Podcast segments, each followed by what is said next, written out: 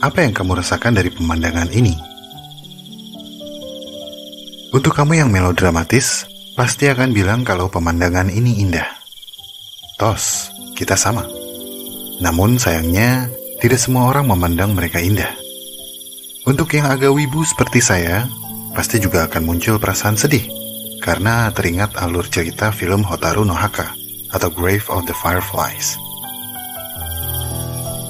Tapi selain senang dan sedih, pemandangan ini juga membawa perasaan takut.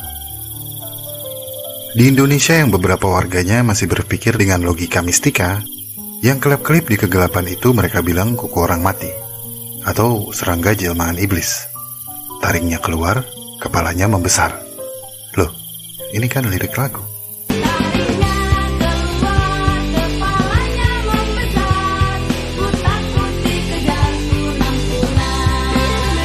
Klip-klip di gelap malam ini otomatis membuat dengkul siapa pun tergetar.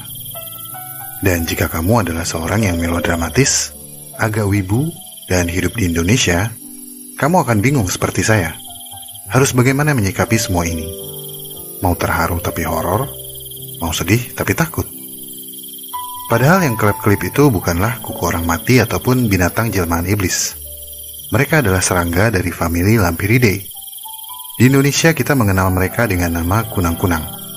Beberapa daerah memanggil mereka dengan sebutan yang berbeda, seperti api-api atau cika-cika. Eh, kok mirip acara serem di TV ya? Uka. Uka. Dalam video kali ini, kita akan mencari tahu lebih banyak tentang kunang-kunang.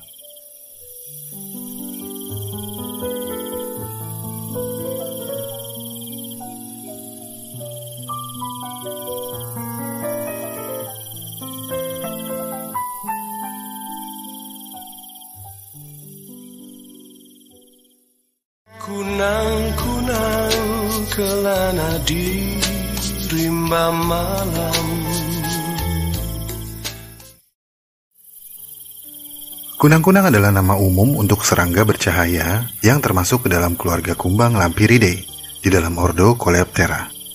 Nama famili Lampiridae berasal dari bahasa Yunani lampein yang berarti bersinar, seperti lampu. Mereka adalah pertanda bahwa musim panas telah dimulai. Ada lebih dari 2000 spesies kunang-kunang yang ditemukan di seluruh benua, kecuali di Antartika. Mereka umumnya menghuni daerah tropis dan subtropis, dengan keanekaragaman spesies paling banyak ditemukan di Asia serta di Amerika. Ukuran spesies dewasa berkisar antara 5 sampai 25 mm. Umur kunang-kunang dewasa biasanya hanya beberapa minggu, tergantung spesiesnya. Para ilmuwan tidak sepenuhnya yakin apa yang dimakan sebagian besar spesies kunang-kunang dewasa. Beberapa spesies diketahui memangsa serangga lain. Beberapa memakan serbuk sari atau nektar bunga. Tapi beberapa spesies juga diketahui tidak memakan apa pun selama fase dewasa mereka. Tapi ilmuwan yakin kalau larva kunang-kunang adalah karnivora, memakan serangga kecil atau larva serangga yang hidup di dalam tanah, siput, dan bekicot. Mangsa tersebut umumnya ditemukan di tanah yang basah, dan para ilmuwan menduga inilah alasan kenapa kunang-kunang memilih habitat lembab dan basah sebagai tempat mereka berkembang biak. Habitat kunang-kunang umumnya memiliki satu syarat utama, yaitu sumber air. Mereka tinggal di dekat kolam, sungai kecil, rawa-rawa, atau danau. Tetapi meskipun demikian, mereka tidak membutuhkan banyak air untuk bertahan hidup. Mereka adalah nokturnal, yang berarti aktif di malam hari. Pada siang hari, mereka menghabiskan sebagian besar waktunya di tanah. Ketika malam tiba, mereka merangkak ke puncak bilah rumput, lalu terbang ke cabang pohon untuk berpendar, memberi isyarat pada calon pasangan. Rerumputan yang tinggi adalah tempat bersembunyi yang baik untuk kunang-kunang, serta memungkinkan mereka mendapatkan titik pandang yang lebih baik untuk berpendar di malam hari. Sebelum kita lanjut, Saya ingin berterima kasih kepada teman-teman yang sudah sawer di Saweria. Ayahku Superman, Taufik, Yukap, Ahmad Zayan Abdullah, Lupa Dikubur, Miau, Minimize, Arjuna Cirebon, Siapa, Manusia Tampan, Dadang Akatsuki, Dipta I Love You Kata Doni, Gudang Senjata Game Channel, Great Molecular Biologist, Fans Barbara Sejati, Dadangnya Airin, Suka Menciptakan Janda, Yudis Sayanggura, Made Wisnu Jelek, Aku dan Empat Anak Kanis Lupus, Sanjun Sun 86, Telur Kucing, Ed Artawi Gunau, Ed Papi Cat, Paha Glowing Hutau, Kor, Kawai Koi, Kuah Soto, Indra Braga, Laler Mapai Arei, Ridwan calon suami Ira, Ini Aku, dan Yoga. Kunang-kunang kelana di rimba malam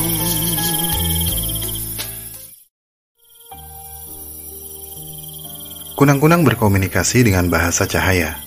Setiap spesies kunang-kunang jantan memiliki ritme pendaran yang berbeda dan mereka harus bersaing di antara puluhan, bahkan ratusan pejantan lain di area mereka. Jika pendaran salah satu pejantan mengesankan, betina akan memendar sekali sebagai jawaban. Nggak ada drama dalam dunia kunang-kunang. Yang dilamar nggak jual mahal, yang ditolak nggak merasa gagal. Pendaran ini juga digunakan sebagai peringatan kepada pemangsa kalau mereka tidak terasa enak jika dimakan. Hal ini karena adanya zat defensif yang bernama lucibufagin. Lucibufagin hanya dimiliki oleh spesies kunang-kunang tertentu, dan zat defensif ini sangat membantu mereka untuk hidup lebih lama.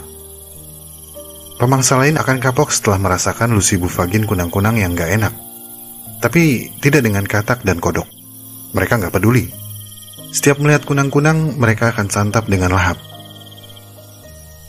Selain katak, ada Tarsius atau Tarsier, primata karnivora terkecil di dunia ini, sepertinya tidak keberatan melahap kunang-kunang dengan lucibufaginnya. Kemudian ada satu spesies kunang-kunang yang agak ngeri. Pada kunang-kunang fotoris betina, zat lucibufagin ini tidak mereka miliki. Dan fotoris betina menggunakan cara yang licik untuk mendapatkannya. Mereka akan meniru ritme balasan dari betina spesies lain untuk memancing pejantan dari spesies lain menghampirinya.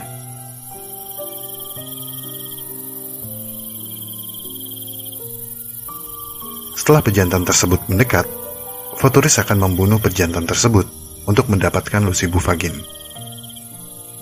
dan memakan sisa tubuhnya untuk tambahan protein. Secara tidak langsung, kunang-kunang memberitahu kita untuk berhati-hati terhadap wanita yang glowing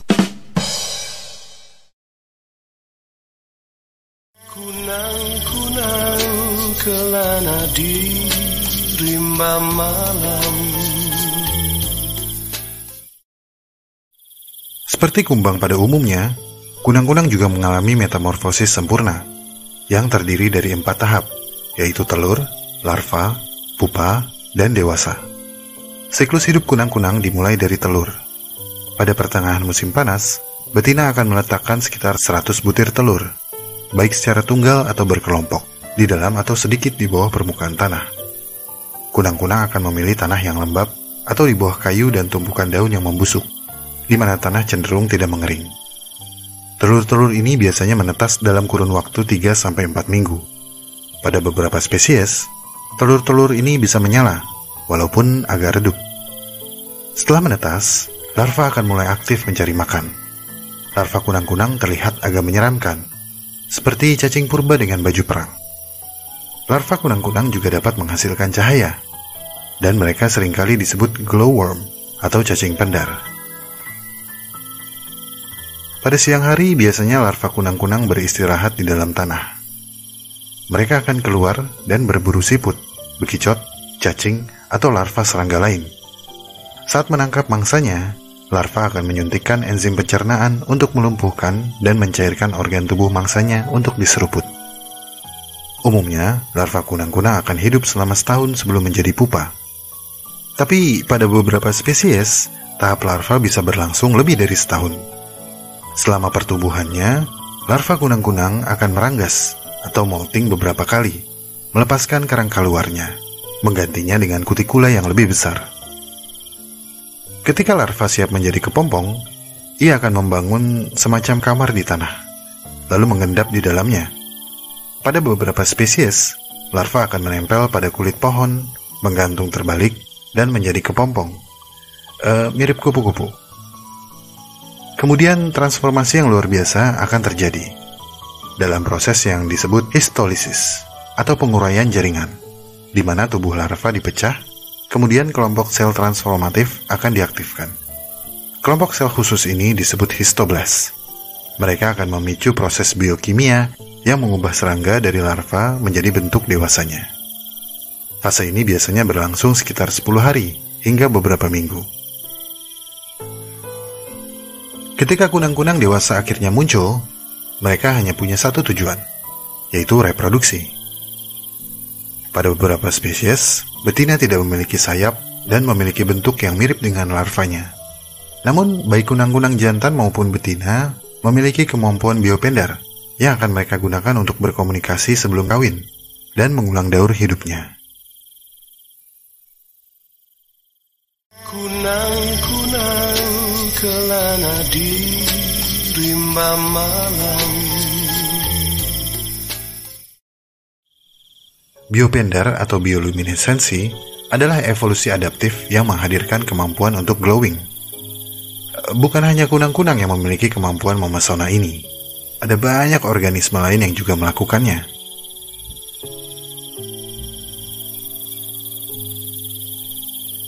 Contoh yang paling terkenal adalah ubur-ubur,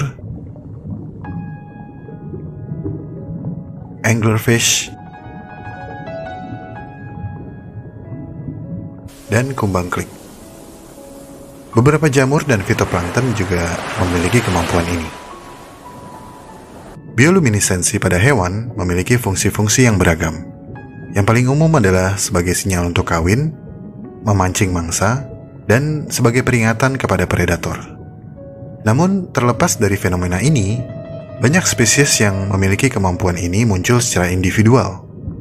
Bioluminesensi telah berevolusi secara terpisah setidaknya 50 kali pada beberapa spesies yang ditemukan di berbagai habitat di seluruh dunia. Ini adalah evolusi konvergen. Sebuah evolusi yang terjadi ketika spesies yang tidak berkerabat dekat mengembangkan sifat dan kemampuan yang serupa untuk bertahan hidup di lingkungannya. Bioluminesensi terjadi karena adanya substrat luciferin di dalam tubuh kunang-kunang. Luciferin sendiri terbagi menjadi dua macam, yakni diluciferin dan L-luciferin. Ketika diluciferin bereaksi dengan ATP, atau energi di dalam tubuh dan dikatalis oleh enzim luciferase, maka akan muncul reaksi lanjutan dengan oksigen yang menghasilkan oksiluciferin. Reaksi oksiluciferin inilah yang menghasilkan cahaya. Intensitas cahaya mencerminkan kecepatan reaksi enzim substrat. Reaksi ini menghasilkan cahaya dingin. Cahaya dingin kunang-kunang tidak seperti cahaya dari bola lampu yang menghasilkan panas. Mekanisme tersebut sangat penting bagi kunang-kunang Sebab, jika organ penghasil cahaya mereka menjadi sepanas bola lampu, maka kunang-kunang pasti akan mati. Kayak kamu yang duduknya menjadi gak nyaman karena semalam habis makan ayam geprek level 10. I am Aaron Lee with Perfect USA, and today we brought the Hawaii to a very busy work environment. Namun, tidak semua spesies dengan kemampuan berpendar ini memiliki luciferin. Beberapa spesies menyerap luciferin dengan memakan spesies yang menghasilkan luciferin atau membentuk hubungan simbiosis dengan mereka. Sebagian besar hewan dengan kemampuan biopendar hidup di laut karena air tawar terlalu keruh untuk membuat pendarannya menjadi efektif. Organisme laut ini cenderung menghasilkan cahaya di ujung bawah spektrum, yakni cahaya biru yang mampu menembus jarak terjauh di dalam air. Hewan darat seperti kunang-kunang sering kali menghasilkan cahaya kuning, karena itulah warna yang paling sensitif bagi mereka. Manusia, khususnya wanita, sepertinya juga memiliki kemampuan ini saat mereka jatuh cinta.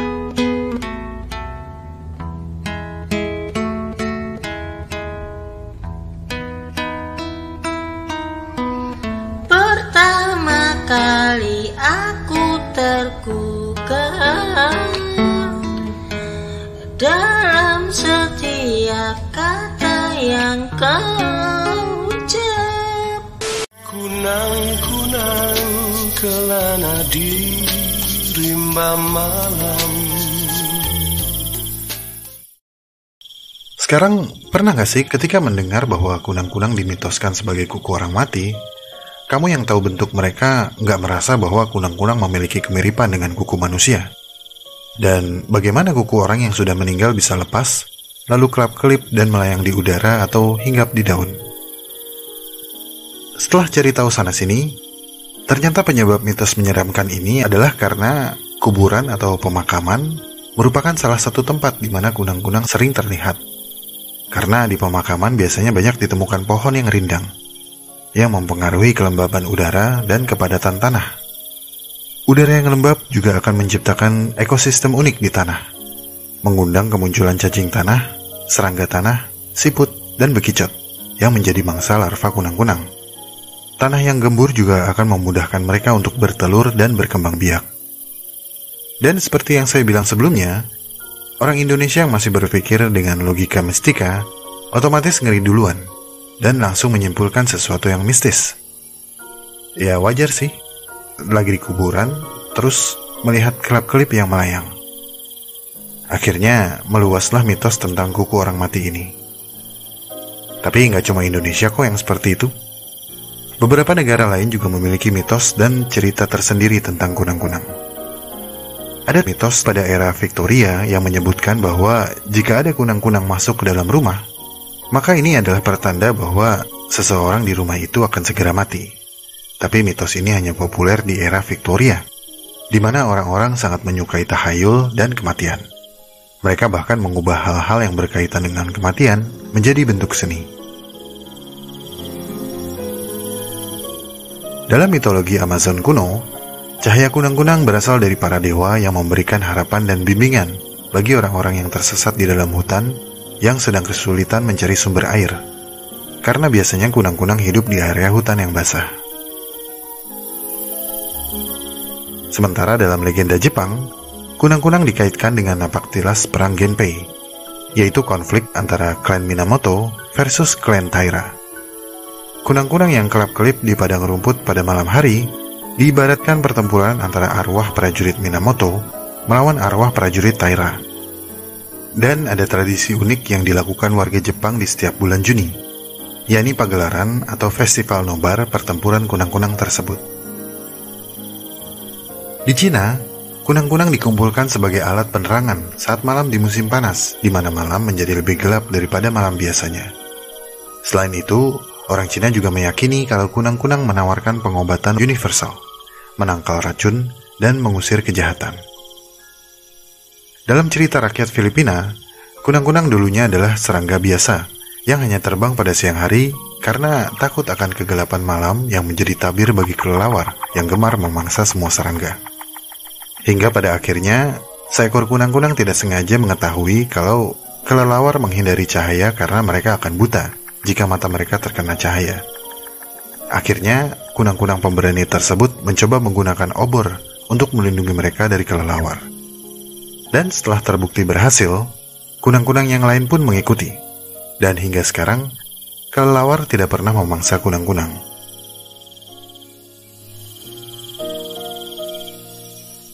Mudah-mudahan sih nggak ada lagi ya yang mengira serangga indah ini sebagai kukunya orang mati atau jelmaan iblis. Dan ke depannya, Anda baiknya mencari tahu sendiri sebelum percaya begitu aja. Manusia dilahirkan dengan otak yang lebih besar dari binatang lain. Jadi, gunakanlah. Apalagi akses informasi semakin mudah dengan kemajuan teknologi dan harga paket internet yang semakin murah. Eh, bukan kamu. Harusnya sangat mudah untuk mendapatkan informasi yang valid dari sumber yang terpercaya. Bukan dari akun Instagram yang followernya banyak, tapi postingannya cuma nanya, Hewan apa ini guys? Dan isi komennya hanya terka-menerka atau ribut karena hal lain. Kunang-kunang kelana di rimba malam Beberapa dari kamu mungkin memiliki kenangan indah saat melihat dan menangkap kunang-kunang di malam musim panas yang hangat, atau berlari melewati padang rumput yang berkilauan, seolah-olah bertabur bintang.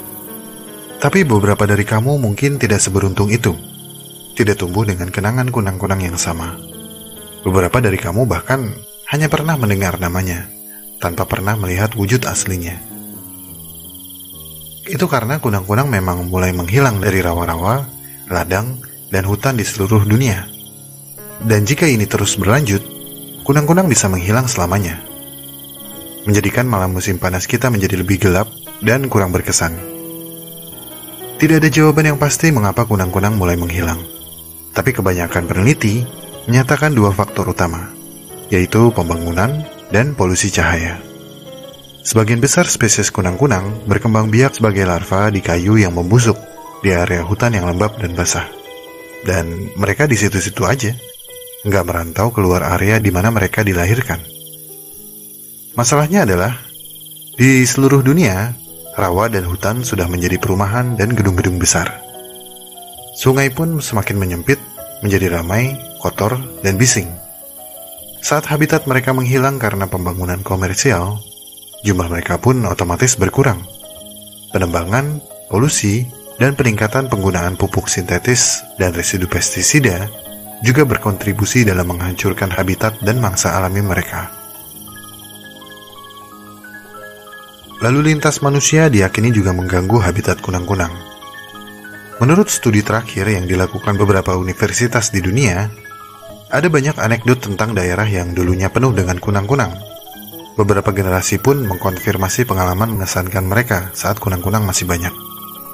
Tapi karena lalu lintas manusia meningkat, populasi kunang-kunang pun berangsur menurun. Studi ilmiah ini juga menyebutkan kalau polusi cahaya memiliki peran sebagai faktor utama musnahnya kunang-kunang di seluruh dunia. Seperti yang sudah kita ketahui, kunang-kunang jantan dan betina menggunakan pendaran cahaya untuk berkomunikasi. Polusi cahaya manusia diyakini mengganggu pola pendaran kunang-kunang. Para ilmuwan telah mengamati bahwa sinkronisasi pendaran cahaya kunang-kunang menjadi tidak selaras setelah lampu depan mobil yang lewat menyoroti mereka. Cahaya dari rumah, motor, toko, dan lampu jalan mungkin menyulitkan kunang-kunang untuk saling memberi isyarat saat mencari pasangan. Ini berarti larva kunang-kunang yang menetas di musim depan akan menjadi lebih sedikit Kemudian ada rahasia umum di Amerika yang mengatakan bahwa dari tahun 1960 hingga pertengahan 1990-an, Sigma Chemical Company atau Sigma Aldrich memanen sekitar 3 juta kunang-kunang liar setiap tahun. Setiap musim panas, mereka menampilkan iklan di surat kabar untuk merekrut ribuan kolektor di seluruh Amerika Serikat. Mereka berani bayar satu sen per kunang-kunang, dengan bonus 20 dolar jika kolektor mengirim lebih dari 200 ribu ekor kunang-kunang. Tujuan utamanya adalah mengekstrak enzim penghasil cahaya kunang-kunang, luciferase, lalu menjualnya untuk digunakan dalam pengujian dan penelitian. Para ilmuwan menggunakan metodologi di balik hubungan antara luciferin dan luciferase untuk mempelajari metastasis kanker dan pertumbuhan tumor. Akibat langsung dari pemanenan ini adalah kepunahan lokal. Spesies Photinus punctulatus yang sering terlihat di Kansas Timur pada awal 1960-an hingga kini belum pernah terlihat lagi. Untungnya, Luciferase sintetis telah digunakan sejak tahun 1985. Enzim sintetis ini tidak hanya lebih murah dan lebih dapat diandalkan, tapi juga membantu menjaga populasi kunang-kunang. Dulu di Jepang, pengurangan populasi kunang-kunang yang signifikan juga terjadi karena faktor hiburan – pada awal tahun 1900-an, ada sayembara di beberapa desa untuk mengumpulkan kunang-kunang. Setelah terkumpul, pihak panitia mengemasnya di dalam tas dan mengirimkannya dengan kurir ke kota-kota besar, di mana mereka dilepaskan untuk dinikmati oleh orang kota. Ini jelas salah dan sangat mempengaruhi populasi kunang-kunang di beberapa daerah di Jepang. Kabar baiknya adalah pada tahun 1920-an, seorang pemuda bernama Kichiro Minami menemukan cara membiarkan kunang-kunang di penangkaran. Minami mulai melepaskan kunang-kunang kembali ke sungai, memulihkan populasinya. Dan tradisi ini masih dilakukan hingga sekarang. Anak-anak sekolah diajarkan cara memelihara kunang-kunang di kelas dan melepaskannya ke habitat sungai. Meskipun populasi kunang-kunang di Jepang belum sebanyak dulu, konservasi ini dinilai sukses.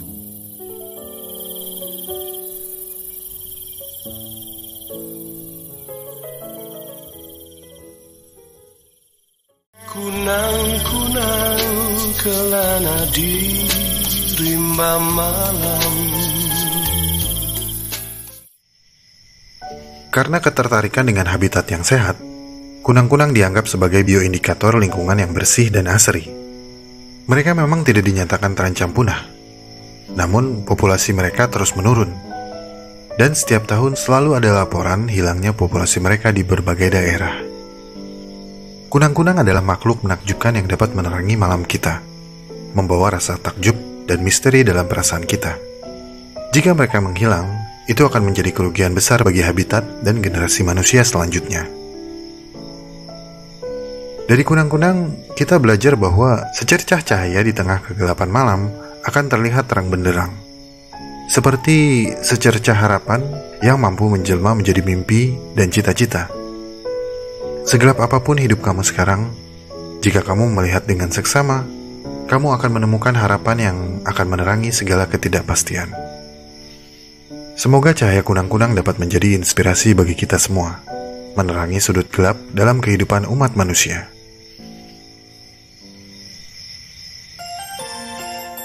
Terima kasih telah menonton sampai menit ini. Saya sangat-sangat menghargai segala support yang teman-teman berikan kepada Alam Semenit. Jika ingin tahu lebih banyak tentang subjek pembahasan dalam video ini, cek deskripsi video. Di sana, teman-teman bisa menemukan segala jurnal, literatur, dan referensi saya dalam menyusun naskah. Kepada teman-teman yang baru subscribe, selamat bergabung. Semoga apa yang disajikan Alam Semenit bisa membawa manfaat bagi kita semua. Jika suka dengan pembahasan Alam Semenit, like video ini dan share. Karena like dan share dari kamu akan membantu perkembangan channel ini. Ikuti perkembangan semua hal yang aneh, menjijikan, dan indah yang mengundang rasa ingin tahu kita semua. Sampai jumpa di video selanjutnya.